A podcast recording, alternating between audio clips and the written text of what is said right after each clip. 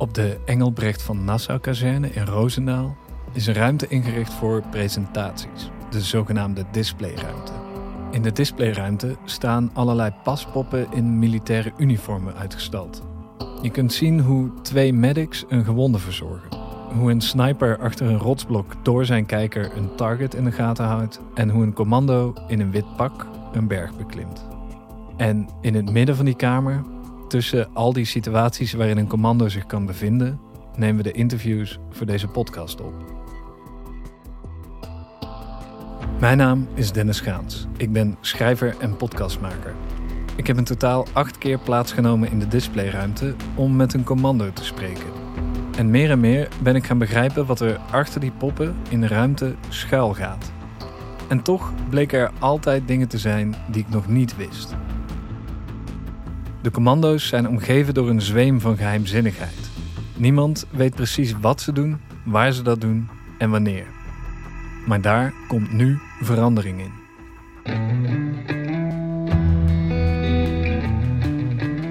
Dit is Below the Radar Above Yourself, een podcast die een unieke inkijk geeft in het werk en het leven van de elitetroepen van de landmacht, de Nederlandse Special Forces, oftewel de commando's. In deze podcast vertellen de commando's zelf waar ze voor opgeleid worden, hoe een geheime missie in zijn werk gaat en wat voor mensen het eigenlijk zijn, die mannen van het Korps Commandotroepen. Of het KCT, zoals ze het zelf noemen. Ik ben je gids in die wereld van het korps. Iedere aflevering neemt een van de commando's mij en dus jou mee op missie. In deze aflevering vertelt commando Willem ons over de missies waar je in principe niet over mag en kunt praten. De geheime operaties.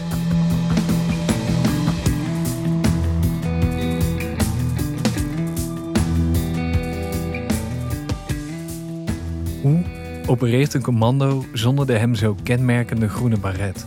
En hoe is het om hier zelfs met je collega's niet over te kunnen praten?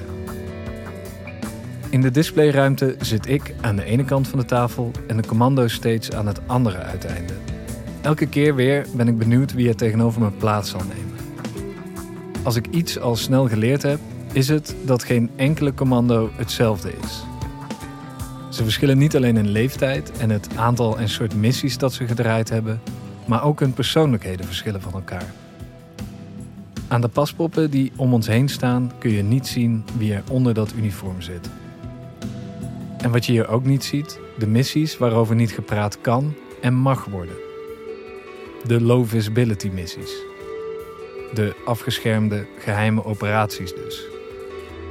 En degene die me er alles over gaat vertellen is Willem.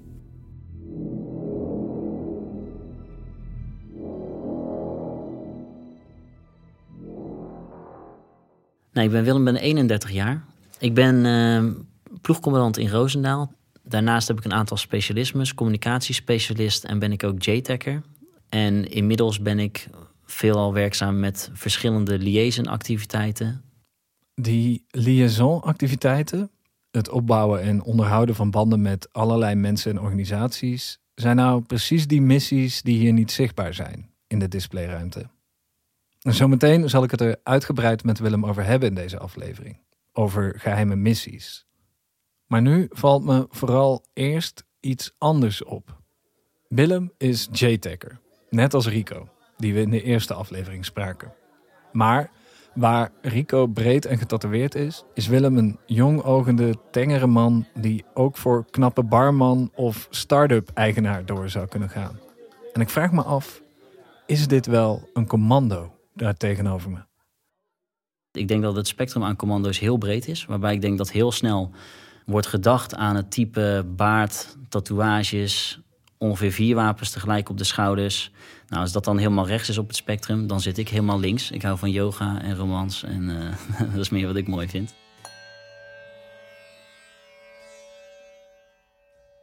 Het zijn niet de uiterlijke verschijningen die een commando een commando maken. Het is iets anders. Nou, wat, wat wel typisch is, denk ik, een bepaalde gedrevenheid. Een bepaalde gedrevenheid en wat ons allemaal verbindt, is we hebben allemaal die opleiding gedaan en daarin worden een aantal kernwaarden worden daarin getest. Uh, moet beleid, trouw, eer, trots. Dat is iets wat ons allemaal verbindt. Op het moment dat je ook op een van die vijf facetten niet presteert zoals je zou moeten, dan wordt daar soms wel eens naar gerefereerd als een bloedgroepfout. En dan is het ook over. Maar je, je, je kent geen gêne als je hier je yogamatje uitrolt? Nou, ik maak er soms wel eens een beetje een grapje van. In, in het begin, uh, tijdens de opleiding, dus je eerst de elementaire commandoopleiding. Op een gegeven moment kom je dan in de voortgezette commandoopleiding. En ik ben iets eerder uit die opleiding gehaald om naar Mali te gaan. Dus ik uh, zat eigenlijk nog helemaal niet bij de operationele compie. Maar er werd mij dus verteld, over acht weken gaat de club op missie en jij gaat mee. Maar ja, op dat moment, ik kende eigenlijk nog vrijwel niemand binnen die eenheid. Maar dat is ook natuurlijk wel mooi aan hoe dat de opleiding hier in elkaar zit. Je bent in principe altijd basisgereed om op uitzending te gaan. Dus zo werd ik daaraan toegevoegd. En ja, je kent dan eigenlijk nog niemand. En dan is het natuurlijk wel grappig dat ze denken... nou, wat voor iemand hebben we binnengehaald? En in Afrika ga je rustig met je blote voetjes op de grond zitten... en ga je een aantal uh, vinyasas er doorheen jagen. En dan zit iedereen toch wel even te kijken van... oké, wie is dit? Maar ik denk wel dat uiteindelijk gaat het om wat je levert en wat je presteert. En daar kijk je ook bij naar elkaar. Dus hoe je er ook uitziet, wat voor achtergrond je hebt, waar je in gelooft. Als jij bijdraagt aan het team, gedreven bent en je houdt aan die vijf kernwaarden. En eigenlijk één die daar niet bij zit, maar daar toch een beetje doorheen verweven is, is integriteit. Dat je ook datgene doet wat je moet doen als er niemand kijkt. Ik denk dat dat heel erg belangrijk is. Dat, daar word je op afgerekend. Als jij eerlijk bent en je gaat ervoor, ben je altijd welkom. Als je de juiste mindset hebt, ben je commando. Dus Willem rolde in Mali gerust zijn yogamatje uit om even, zoals hij dat zelf zegt, een paar vinyassa's er doorheen te jagen. Misschien is hij, omdat hij niet past binnen ons beeld van een commando, ook juist wel geschikt voor de missies waarvoor je er vooral niet uit moet zien als een commando. Maar vergis je niet, Willem is een commando. En hij begon zijn carrière bij het KCT dan ook als gewone commando. In een camouflagepak, met een groene baret op, in Mali.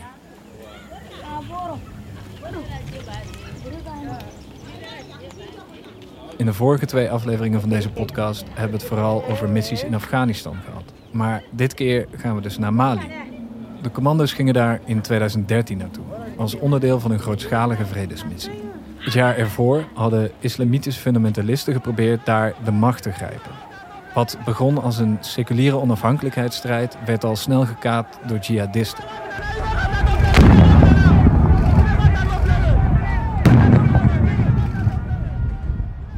Nadat de opstand de kop is ingedrukt met onder andere hulp van de Franse Special Forces, zet de VN een vredesmissie op om de stabiliteit terug te brengen, een nieuwe opstand te voorkomen en de burgers van het land te beschermen. Willem gaat er naartoe als hij eigenlijk nog met zijn voortgezette commandoopleiding bezig is. Hij spreekt Frans, wat daar goed uitkomt. Willem is hiervoor wel al op uitzending geweest. Hij heeft voor de genie gewerkt, een legereenheid die kampen opzet en voorbereidingen treft voor missies. Maar dit is dus zijn eerste inzet als commando. Het is ook de eerste keer dat hij echt bang is. En dan bedoel ik bang zoals dat ik echt hoop dat niemand dat uh, in Nederland die daar niet bewust voor kiest, hoeft mee te maken. Willem is al een tijdje in Mali als ze met een kleine groep verhuizen naar een zogenoemde outpost. Op een gegeven moment, we zitten in een, uh, een outpost in Afrika. Dus eigenlijk met een klein element zitten we ergens afgezonderd van nou, het grotere geheel. En daar zitten nog een tweetal outposts niet heel ver vandaan. En wat er gebeurde, een van de vaste dingen die de vijand over het algemeen deed, is dat ze mortiervuur afschoten op de kampen.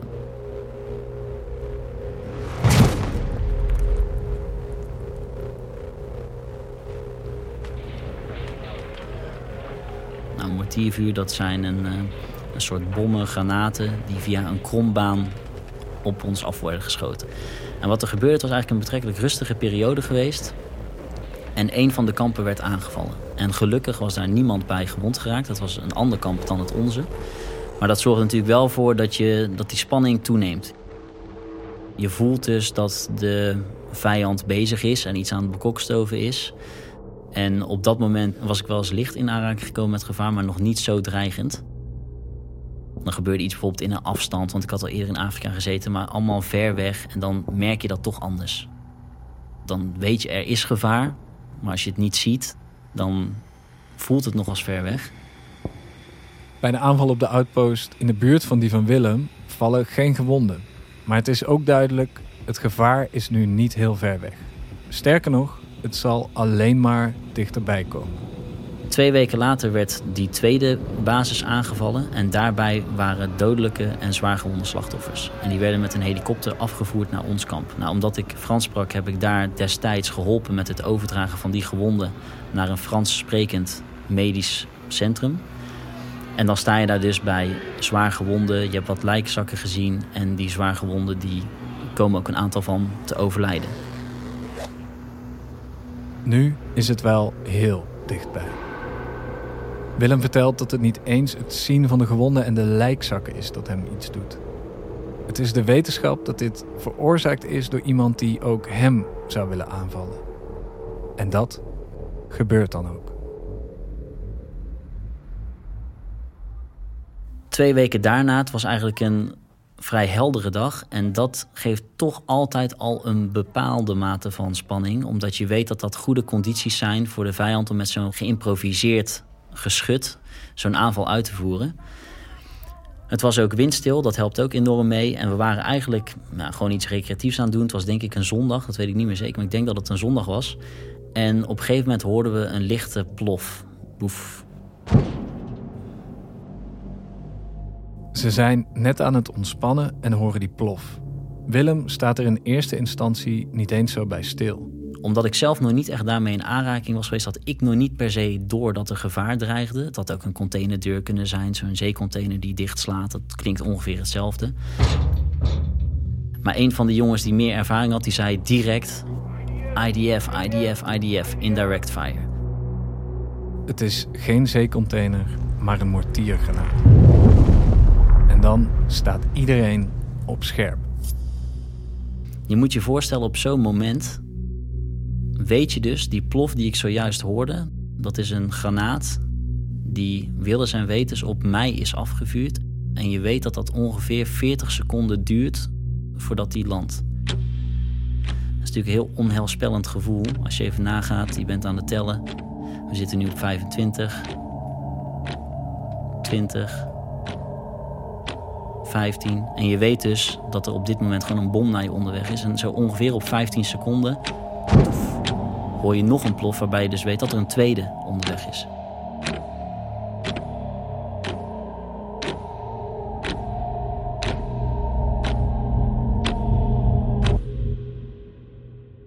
Binnen 25 seconden verandert Willems heldere en ontspannen dag in een moment dat hij voor het eerst echt bang is in zijn leven.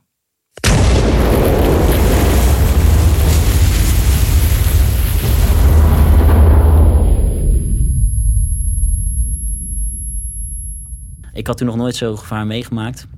Ik wist natuurlijk wel ongeveer van foto's en van voorbereiding wat dat zou voorstellen. Maar op het moment dat dan de eerste dreun echt komt en echt de grond letterlijk trilt en je de stukken van de bom en stukken materiaal hoort klappen tegen de gebouwen aan, dan weet je wel, dit is echt verkeerd. Dit is voor het eerst dat Willem vuur van zo dichtbij meemaakt. De eerste keer dat hij getest zal worden. Maar dit is waarvoor de commando's zijn opgeleid. Nou, ik was toen, wat ik zei, ik kwam net uit de opleiding, dus ik was er wel degelijk klaar voor. Je hebt leren relativeren, dus kon redelijk rustig blijven. Maar in dit opzicht was het wel zo dat de jongens die veel meer ervaring hadden, die eerder met dat soort zaken in aanraking waren gekomen, je ziet gelijk dat die heel goed schakelen, zorgen voor een rust bij iedereen, de taken weer verder gaan uitverdelen en dat, het snel reageren is en weer snel omgezet wordt naar een initiële reactie, naar omzetten tot handelen. Ik zou zelf niet weten wat ik moest doen. Als ik heel eerlijk ben, zou ik me denk ik verbergen onder een van de omgevallen containerdeuren. Of ik zou bevriezen. Maar de commando's reageren snel. Ze kunnen dit. En al snel hebben ze de situatie onder controle. En toch, als je dit voor de eerste keer meemaakt, verandert het je wel, volgens Willem.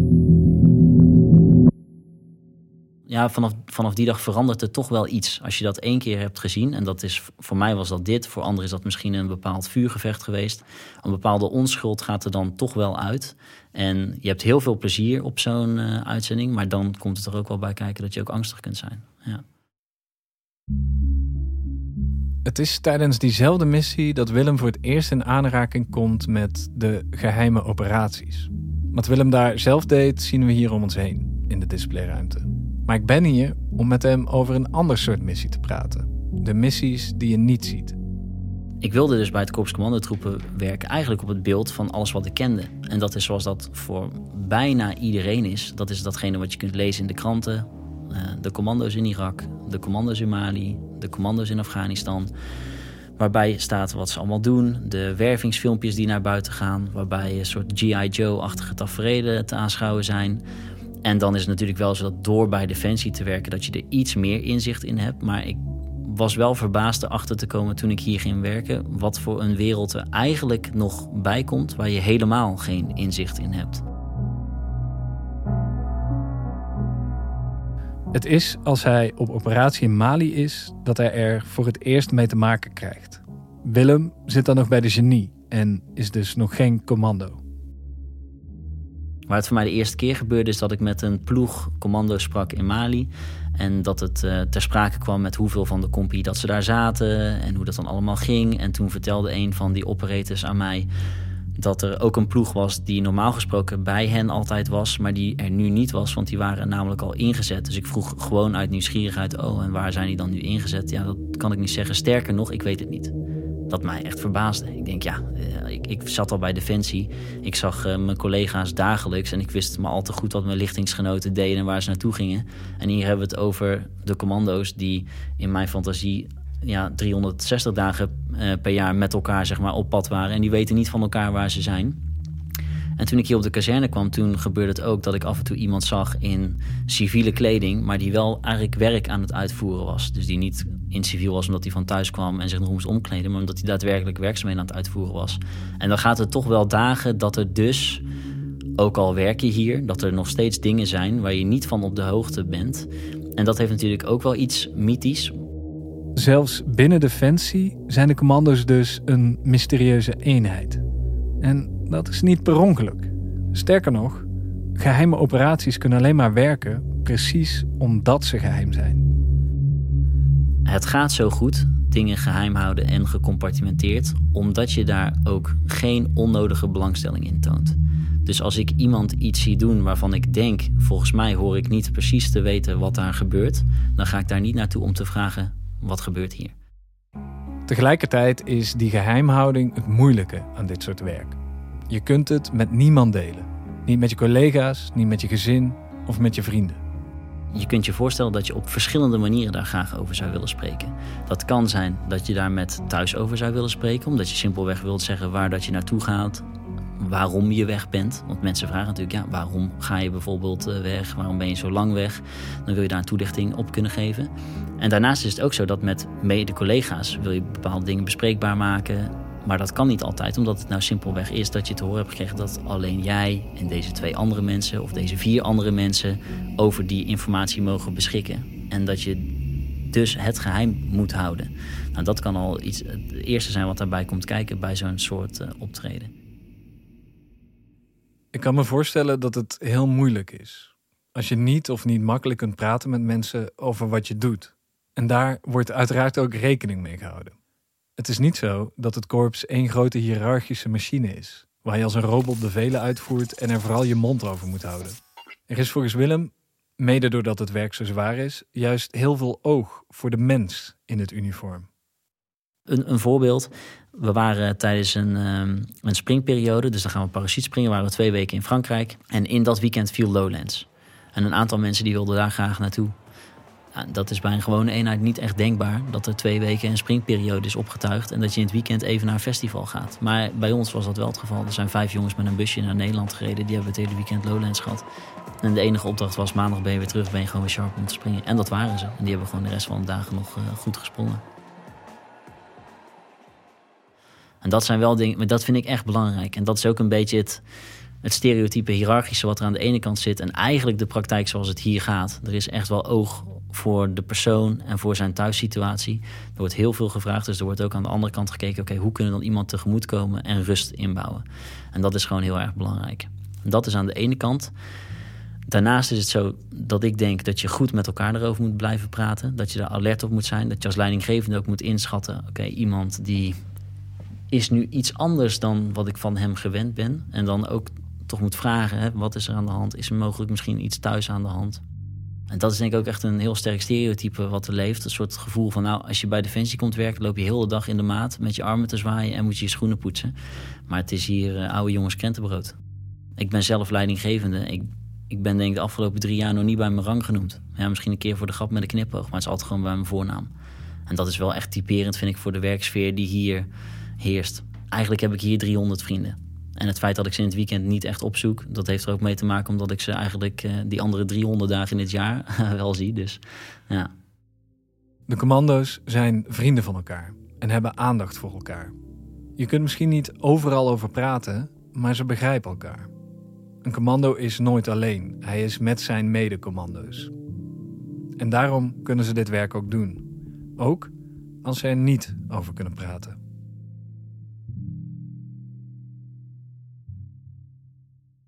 Naast dat je met niemand kunt delen wat je aan het doen bent, hebben de geheime missies een tweede ding dat ze moeilijk maakt. En dat heeft alles te maken met zichtbaarheid. Niemand mag namelijk zien dat je dit werk aan het doen bent. En dat heeft ook gevolgen voor de wapens die je mee kunt nemen. Wapens zijn over het algemeen namelijk heel zichtbaar.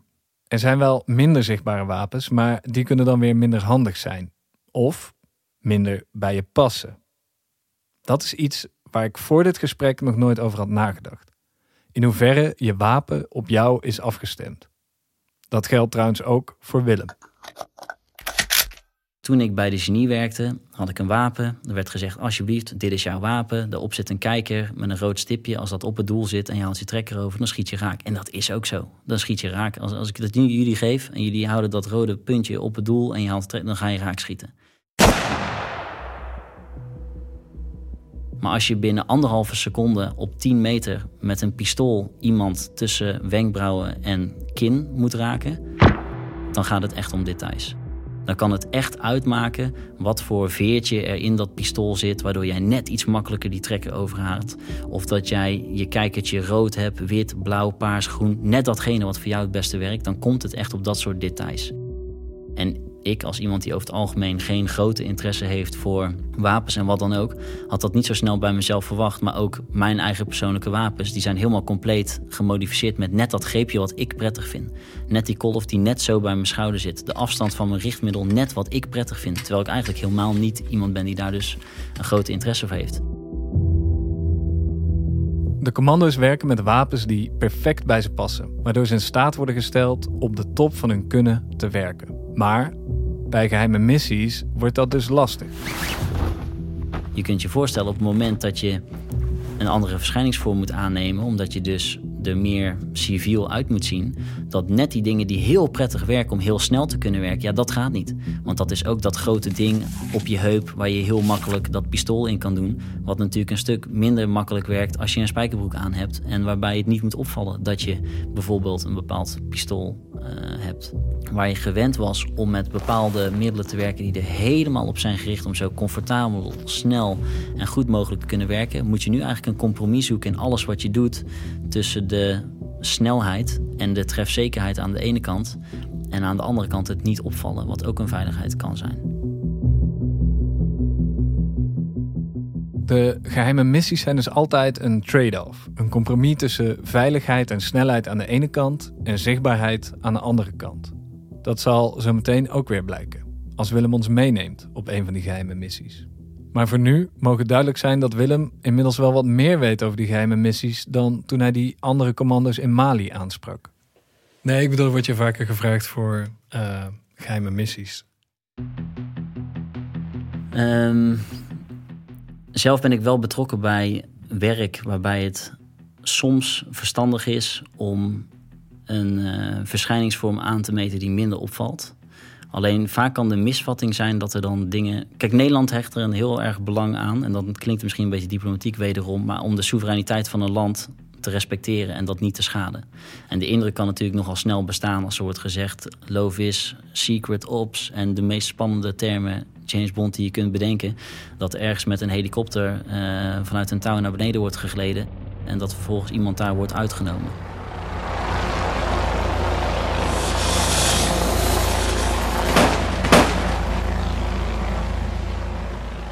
Dat is niet des Nederlands om zo met een ander land om te gaan. Dat wil niet zeggen dat het niet gebeurt dat uh, ervoor gekozen kan worden om een civiele verschijningsvorm aan te nemen, ook voor de eigen veiligheid. En ik denk dat iedereen zich best goed kan voorstellen dat als je ergens in een land bent waar misschien niet iedereen jouw westers militaire voorkomen even goed gezind zijn en je loopt daar met een westers camouflagepak rond, dat je dan in één keer juist veel meer een target bent en dat je juist veel minder veilig bent dan wanneer je opgaat in de bevolking. Niet echt een antwoord op mijn vraag, maar wel interessant. Ik vroeg of jij vaker gevraagd werd. Um, nou ja, ik, in het werk wat ik nu doe, ben ik regelmatig daarmee bezig. Ja. Dus, dus ja. De eerste regel van geheime missies is dat je niet over geheime missies praat, lijkt het. Maar het ligt voor de hand dat Willem in zijn werk als liaison, als iemand die zijn talen spreekt, vaker niet dan wel dat camouflagepak en die groene baret draagt. En dat heeft dus ook weer met zijn eigen veiligheid te maken. Hoe minder zichtbaar hij is, hoe minder gevaar hij loopt.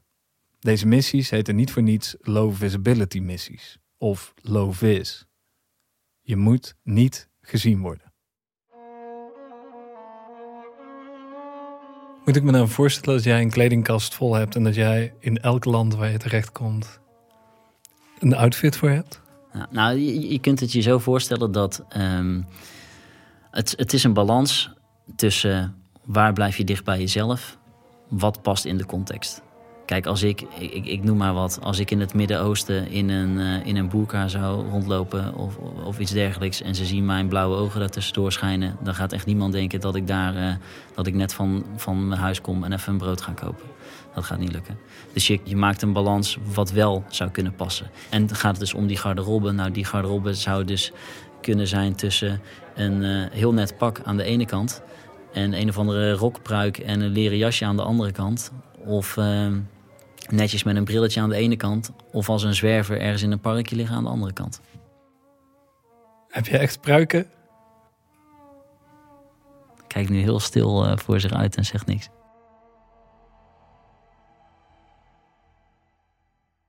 Willem wil het niet zeggen, maar we kunnen er dus vanuit gaan dat er in zijn kledingkast meer hangt dan een camouflagepak en een groene baret.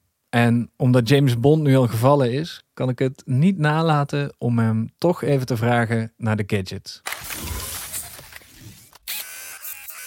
Of ik op een horloge klik en dat er dan een auto verschijnt. Dat kan ik niet zeggen. Maar ik kan je wel zeggen dat er andere middelen zijn in zo'n setting dan wanneer dat we in een camouflagepak met een grote baard en tatoeages naar buiten lopen. Wat voor gadgets Willem precies heeft, zullen we dus niet te weten komen. Wat inmiddels wel duidelijk is, het werk dat Willem doet is beduidend anders dan de beelden die we kennen uit het journaal. Geen camouflagepakken en geen grote sniper rifles. Geen helmen, geen baretten, maar een spijkerbroek en een leren jasje. Het is subtieler werk. Tijdens een geheime missie tellen details. En ook de beslissingen die een commando moet nemen zijn anders. Wat duidelijk wordt als Willem, als beveiliger van een belangrijke diplomaat, meegaat naar de zwaar bewapende compound van een terroristische organisatie. Het KCT is gevraagd om een hooggeplaatste regeringsfunctionaris te begeleiden en te beveiligen bij een gesprek met die terroristische organisatie. Daarbij moesten we iemand begeleiden om een bepaald gesprek te voeren. Daarbij kregen we ook te horen wat de setting zou zijn en zo ga je dus een afweging maken en goed kijken naar het terrein. Vanaf wanneer is het compromis overhellend naar niet opvallen? En wanneer gaat het compromis meer richting dat je je wapens op de juiste manier kunt inzetten? Elke missie is er een van afwegingen maken, van compromissen sluiten. Bij low visibility missies is dat dubbel en dwars waar. Je moet altijd een afweging maken. In dit geval bijvoorbeeld tussen veiligheid en onopvallendheid. Dus ook tijdens zo'n operatie, en dat is juist wat het zo complex kan maken, verschilt dit heel erg veel en kan die verschijningsvorm heel erg veranderen. Zo was het in dit scenario dat we in beginsel reden we in meerdere auto's op grotere afstand van elkaar, omdat dat in de context ook niet zo zou opvallen. Zie je vijf grote auto's bij elkaar rijden, ja, dan gaan er toch wel belletjes rinkelen. Maar de veiligheid was ook naar dat dat kon.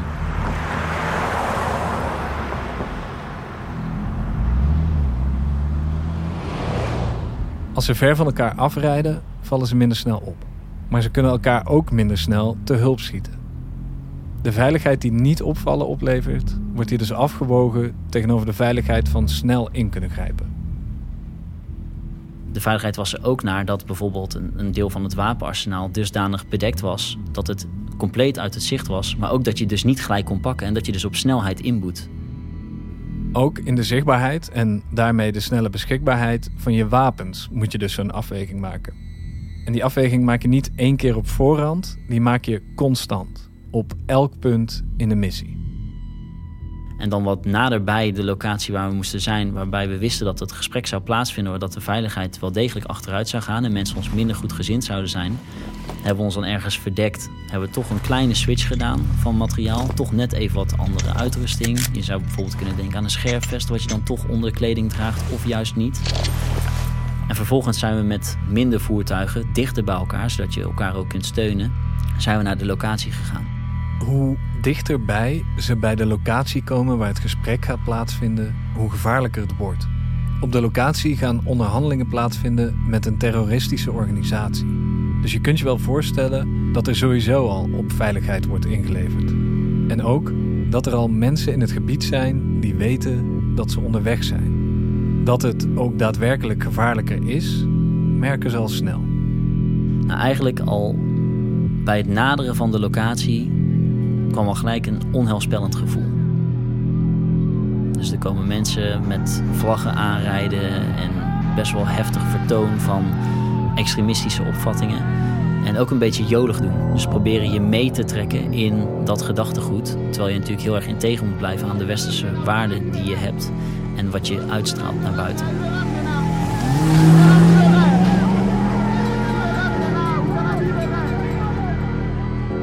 Ze worden opgevangen door een auto die voor ze uit gaat rijden.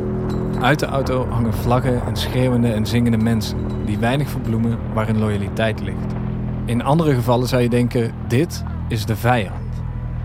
Maar nu is het dus heel duidelijk de gesprekspartner. En die moeten ze te vriend houden. We komen aan, we worden eigenlijk begeleid door dat voertuig naar een bepaald compound. En het lastige daarbij is al, en dat is natuurlijk ook inherent aan ons werk, omdat het veel in het buitenland gebeurt, is je bent altijd te gast. Of dat nou bij iets vijandig is of niet, maar je bent niet in Nederland. En ook hier bij dit uh, compound, dat werd zwaar bezet door gewapende strijders die in groter getal aanwezig waren dan wij zelf. En wat op zo'n moment gebeurt, ik was zelf daar verantwoordelijk voor dit scenario. Je weet dat jij ten alle tijde verantwoordelijk bent voor de veiligheid. Je weet dat het onheilspellend is. Je weet dat daar mogelijk iets kan gaan gebeuren. Maar tegelijkertijd ben je er ook met een duidelijke opdracht. Er moet namelijk een gesprek plaats gaan vinden. En dat is sowieso al best een verantwoordelijkheid dat jij over, eigenlijk over leven en dood potentieel kunt gaan. En het is heel makkelijk om te zeggen: oké, we draaien om en we rijden sowieso weg. Maar dan heb je ook je opdracht. Heb je ook niet aan je opdracht voldaan. Dus dat is een gebied waar je continu over aan het nadenken bent. Hier wordt het andere beeld van de commando meteen duidelijk. Onder druk handelen heeft niet alleen maar met gevechtssituaties te maken. Het gaat niet altijd om schiet ik of niet. Soms is het meer psychologisch van aard. En dat is ook vaak hebben mensen bij het zijn van de commando het beeld dat dat zwaar kinetisch is en dat iedereen de halve dag aan het schieten is. Maar heel veel is ook beslissen, inschatten van de situatie, relativeren, context. Beslissen, inschatten, relativeren, context. En niet één keer, maar de hele tijd. Je moet steeds weer opnieuw de situatie kunnen inschatten en daarop kunnen handelen. Alle stappen tot nu toe zijn dit soort keuzes geweest. Gaan we dicht bij elkaar rijden of niet? Dragen we een zichtbaar kogelvrij vest of niet? Pakken we verborgen handpistolen of grote geweren? Elke keer schatten de commando's de situatie in en nemen ze een beslissing. Ook weer als ze eindelijk het terrein op mogen. Uiteindelijk werden we op het terrein gelaten. Dat, het ging een beetje grillig in het begin, omdat er wat onderhandeld werd over hoeveel mensen zouden mogen beveiligen, hoeveel mensen er naast die persoon zouden mogen staan tijdens het gesprek. En ook dat is altijd een afweging, want sta je er heel zwaar en sta je er dus qua beveiliging goed, vindt zo'n gesprek misschien minder goed plaats, wordt er misschien minder informatie vrijgegeven en is het dus minder succesvol. Aan elke keuze hangen voordelen en nadelen. Er is niemand boven je in rang die je gaat vertellen welke keuze je moet maken. Je bent op jezelf en je teamgenoten aangewezen. En vergeet niet, dit gaat er niet om of je paprika of bolognese chips meeneemt uit de supermarkt. Je staat niet eens in de supermarkt. Je staat ergens op een compound in the middle of nowhere, omringd door zwaar bewapende terroristen. Die ook nog eens met veel meer zijn dan jij. In dit geval lukt het Willem en zijn team om na enige onderhandelingen het gesprek te laten starten. Het gesprek vond plaats. En wat hier gebeurde is dat het gesprek is op een gegeven moment afgerond. Ik krijg het signaal van iemand van binnen. Het, we gaan zo dadelijk afbreken. De voertuigen die staan op zo'n 200 meter. En op het moment dat eigenlijk de persoon die we aan het begeleiden waren en mijn eigen teamgenoten naar buiten komen. En we lopen eigenlijk nou, het gebouw uit, het pad op richting de voertuigen. Zien we rechts voor ons dat er iemand in een oranje overal wordt begeleid door twee gewapende mensen. Het doel van de missie lijkt vooralsnog geslaagd. Maar dat wil niet zeggen dat het nemen van alle beslissingen ook al gedaan is. Er kunnen allerlei dingen op je pad komen die niet met de missie te maken hebben, maar je wel dwingen tot handelen. Of niet. In dit geval zien ze iets wat sterk lijkt op een mogelijke executie van een krijgsgevangene. Ik hoef niemand uit te leggen, een oranje overhal. Dat is natuurlijk gelijk een associatie die je maakt met beelden zoals je die bij IS hebt gezien. Dus je vreest daarvoor het ergst. En wat er gebeurde is dat er werden bepaalde leuzen uh, werden uitgeroepen. De gevangene, om het zo maar te noemen, die werd meer en meer onder druk gezet. Daar werd meer agressief tegen gedaan en die werd op een gegeven moment op zijn knieën gezet. En er werd een wapen tegen zijn achterhoofd geplaatst. Er gaat hier, naar alle waarschijnlijkheid, iemand geëxecuteerd worden. En daar staan Willem en zijn mede-commando's. Wat moeten ze doen? Het gaat er vaak om dat je bij bepaalde opdrachten wel een mandaat mee hebt gekregen van wat je wel en wat je niet mag doen. En in dit geval was het uitsluitend dat we een gesprek moesten mogelijk maken. Dat was eigenlijk onze opdracht en dat we dat veilig moesten doen. Maar wat er nu gebeurt, valt duidelijk buiten dat mandaat. Dat is al het eerste moment dat je geconfronteerd wordt met het feit dat jij daar bent. Dat je de mogelijkheid hebt, want je hebt namelijk die wapens ter beschikking om in te grijpen en daar iets aan te doen. Maar dat je dus de afweging maakt tussen wat de strategische implicaties kunnen zijn aan de ene kant en de gevolgen van het mensenleven aan de andere kant. Dat zijn al best zware ethische kwesties. Wat doe je op zo'n moment? Grijp je in en red je die persoon, maar heb je misschien mogelijk daarmee wel als strategisch gevolg dat je niet meer verder kan spreken met die partner en gelijk alles om zeep hebt geholpen. Plus je weet niet wie die westerse persoon is. Of doe je niets en ga je weg. Willem is er om het gesprek tussen een diplomaat en een terrorist mogelijk te maken en veilig te houden. Als hij en zijn collega's ingrijpen, verstoren ze dat wellicht. Maar wat als ze niet ingrijpen en dat later aan het licht komt?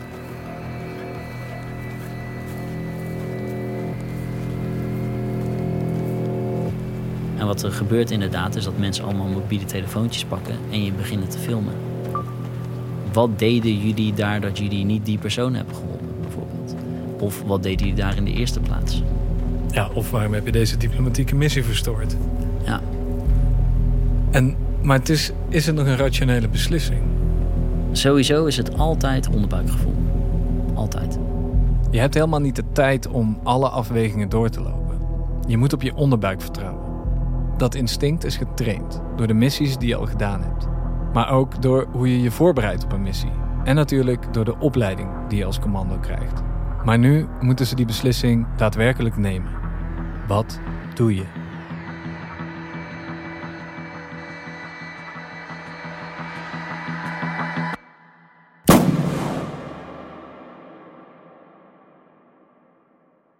Nou ja, wat in dit geval ehm, gebeurde, is dat ehm, eh, in dit geval is die persoon die is uitgenomen. Dus die persoon die is uitgeschakeld door die terroristische groepering. De afweging is gemaakt. We kiezen nu voor, niet per se onze eigen veiligheid, maar we kiezen nu voor het strategisch belang om de andere persoon die we begeleiden, die anders mogelijk slachtoffer zou worden, om die in veiligheid te brengen en deze locatie te verlaten. De commando's hebben hun beslissing gemaakt. Ze vertrekken, zonder in te grijpen. Dat betekent de dood voor een krijgsgevangen. Hoe kun je in vredesnaam zo'n beslissing maken? Vraag ik me af.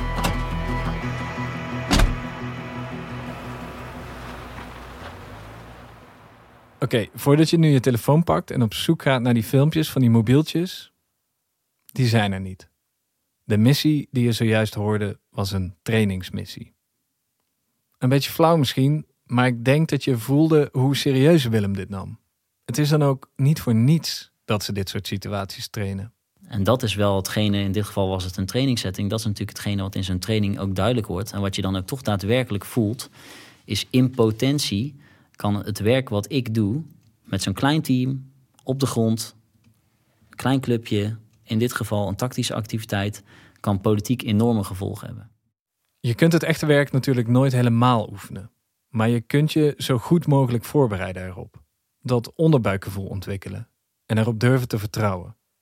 Dat onderbuikgevoel ontwikkel je door de jaren heen, zal je altijd blijven ontwikkelen, maar het begint allemaal bij de opleiding, de ECO.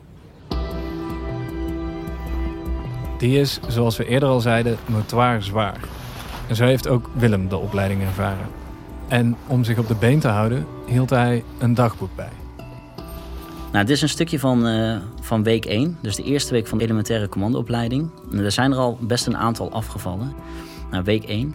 De elementaire commandoopleiding is zoals je verwacht dat het is vanwege alle verhalen. Maar een passende metafoor vind ik regen. Wanneer het keihard regent, is het van achter de ramen makkelijk praten totdat je erin staat. Het instructeursuurtje was behoorlijk fysiek, waarbij drie man aangaf te willen stoppen. De week is voor wat betreft fysiek op dit tempo doorgegaan. Speedmars vier keer, sportlessen, andere fysieke prikkels. Het voornaamste verschil met de vooropleiding is dat er nooit een moment van rust tussendoor is. Even zitten of iets dergelijks is er niet bij. Je bent letterlijk altijd bezig. Daartegenover staat de eer om aan de opleiding te mogen deelnemen. Tradities, waaronder het zingen van de verschillende liederen, wanneer we halverwege de week, dag kan ik me niet herinneren, het commando lied zingen met de ECO, is het voor iedereen kippenvel. Op het moment van zingen hangen er in het leslokaal van de tentenkamp al 13 tokkels met mutsas op. De attributen van de mannen die zijn uitgevallen of gestopt. Het dagboek is een van de vele dingen die willen motiveren. Hij kan het niet maken om halverwege te stoppen. In dat dagboek te zetten: ik trek het niet. Dus stopt hij niet. En eindigt het dagboek waar het hoort te eindigen. De afmatting is iets wat alle commando's met elkaar verbindt. Een periode waarin we leren hoeveel pijn het lichaam kan lijden. Vervolgens gaat onze afmatting van start. Dit kan ik lastig uitleggen. Het is volgen, volgen en volgen. Iets wat iedere cursist zelf moet ervaren. Ondanks dat de laatste loden zwaar waren, is het grote verschil met de eerdere weken dat de eindstreep in zicht komt. Het filmpje van de baretuitreiking wordt bij weer een regenbui, pijn aan de voeten of dorst opnieuw afgespeeld. Het komt dichtbij. Het moment waar alles voor heeft moeten wijken. Vlak voor de tranenpoort voegen de pijpblazers zich bij de ACO. Ze spelen The Ballad of the Green Berets en marcheren voor ons uit. Dan komt de poort in zicht, de poort der poorten. Vang ik de gestaltes op van mijn vrienden en collega's. Speelt het filmpje van acht weken zich af. De metalen strijd, de fysieke pijn, het vallen en opstaan. Dan klinkt steeds harder het applaus en zijn we enkele meters verwijderd van de tranenpoort. Wij, onze lichting, we gaan commando's worden. Ja. Wat doet het met je als je dat terugleest? Altijd. Ja. Nou ja, ik voel het altijd. Ik heb kippenvel, ja. Ja. Heet niet voor niks tranenpoort natuurlijk. Ja. ja. Niet alleen herinnert het dagboek hem aan het moment dat hij onder die tranenpoort doorliep. Het herinnert hem ook eraan waarom die opleiding zo zwaar is. Iedereen heeft het heel zwaar gevonden. Ik heb het echt als enorm zwaar ervaren. Um, een gegeven moment is het afgelopen. Ik had heftige blessuren. Ik moest een tijdje met krukken lopen. Maar het gek is dus, fysiek ben je helemaal gesloopt. Je loopt met die krukken. Ik kon geen trap meer op. Dat moest allemaal zittend. Maar mentaal dacht ik echt, het maakt niet uit wat er op me af wordt gegooid. Ik uh, ga het fixen. Ik loop er doorheen. Als ik door een muur moet lopen, dan blijf ik net zo lang tegen die muur aanlopen totdat ik er doorheen ga. Als dat is wat ze van me vragen. En dat is natuurlijk een soort mindset die ze creëren. Niet dat je dat als een blind paard doet, maar dat je dat voor datgene waar je in gelooft en datgene waar de organisatie in gelooft, dat je daarvoor bereid bent om alles te geven. De ECO is iets wat alle commando's verbindt. Wat zorgt dat ze alles wat ze hebben kunnen geven. Al moeten ze door een muur lopen. Die zware opleiding is nodig. Want het werk is net zo zwaar. De vraag is denk ik wel altijd een beetje: was je al zo en is dat getest? Of was je nog niet zo en ben je door de opleiding zo gevormd? Maar het eindresultaat is denk ik bij iedereen dat je op een hoge mate hebt leren relativeren. En wat er eigenlijk wordt gecreëerd is dat je, wat er ook morgen komt, het wordt nooit meer zo erg als gisteren. En dat is een bepaald vertrouwen wat je in het werk wat je daarna gaat doen wel nodig hebt. Wat er ook gebeurt, het wordt nooit zo erg als vandaag. Dat is niet alleen de mindset, dat is ook het doel. De commando's zijn er om de wereld beter te maken, dag voor dag. En of ze dat nu doen met baarden, tatoeages en vier geweren op de schouder, of in een spijkerbroek met een rokpruik.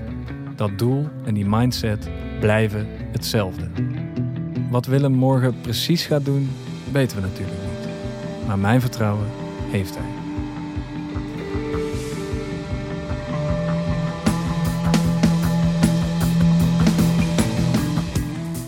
Dit was de derde aflevering van Below the Radar Above Yourself. Ben je nieuwsgierig geworden naar het leven als commando en wil je meer weten over de opleiding? Kijk dan op werkenbijdefensie.nl schuine commando of klik op de link in de show notes. In de volgende aflevering praat ik met Tim, die bij de explosieve opruimingsdienst werkt en vaak mee is geweest op missies met het KCT. De commando's werken dan wel zelfstandig, maar niet per se alleen. Er is altijd ondersteuning nodig. Dat heet soft support. Tim vertelt ons daar in de volgende aflevering over. En hij vertelt ook alles over bommen en hoe het voelt als je geraakt wordt door een kogel. Below the Radar Above Yourself is een podcast van het ministerie van Defensie en Dag en Nacht Media. Het sounddesign is van Studio Cloak en mijn naam is Dennis Gaan. Je hoort me weer in de volgende aflevering. Tot dan.